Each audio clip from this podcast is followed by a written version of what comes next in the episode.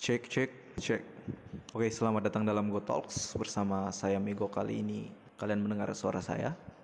Oke. Manusia pada dasarnya memiliki perasaan seperti yang kita ketahui bersama. Lu, gua, kita semua punya perasaan. Seringkali kita mengekspresikan perasaan tersebut dan itu hal yang wajar kita alami.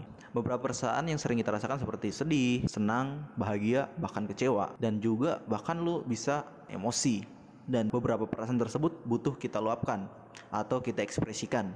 Karena kalau kita pendam, beberapa orang bahkan dapat mengalami depresi ataupun stres saat memendam perasaan tersebut.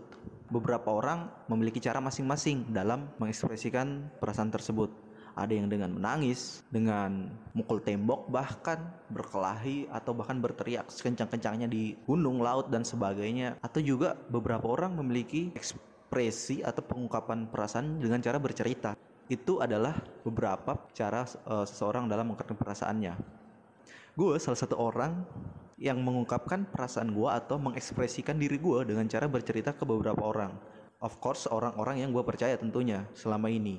Dengan bercerita, gue menemukan salah satu kebahagiaan gue dengan gue bercerita gue merasa lebih lega lebih plong saat gue memiliki keresahan atau memiliki masalah dalam hidup gue dengan bercerita masalah gue nggak selesai cuman gue dapat lebih tenang dalam menghadapi masalah tersebut. Karena pada saat tersebut gue nggak memiliki energi negatif lagi. Gue udah nyalurin lewat cerita gue ke teman gue gitu.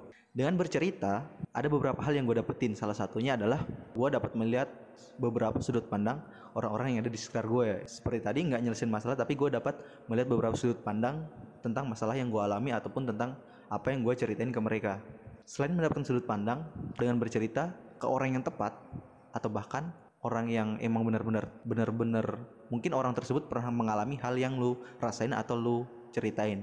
Lu bisa saja dapetin solusi dari permasalahan lu ataupun solusi dari problem yang lu alami.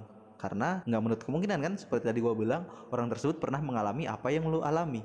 Nah selain itu juga karena salah satu kebahagiaan gue adalah bercerita berbicara gue mutusin buat podcast kayak gini dan ini juga salah satu rekomendasi dari teman gue setelah melihat gue senang cerita dia memberi saran lu kenapa nggak buat podcast aja soalnya lu suka banget sama aktivitas berbicara. Karena itu gue memutusin untuk buat podcast kayak gini. Dengan membuat seperti ini gue berharap gue dapat cerita ke kalian semua, dapat sharing dan dapat feedback atau umpan balik ke kalian melalui komentar atau melalui apa pun itu. Dengan cerita seperti ini juga gue dapat men-sharing apa yang gue rasain dan bahkan mungkin kalian pernah ngerasain atau dalam posisi atau dalam kondisi ngerasain apa yang gue rasain.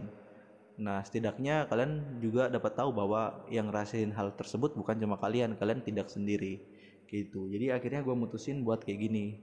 Oke, semoga hal-hal yang gue buat dapat memiliki manfaat ke depannya dan untuk selanjutnya gue akan ngebahas beberapa topik yang emang pernah gue alami atau bahkan terjadi di sekitaran gue. Jadi thank you udah dengerin gue ngomong selama beberapa menit ini. Semoga ke depannya dapat berkembang lebih baik lagi dan tetap konsisten pada tujuan awal.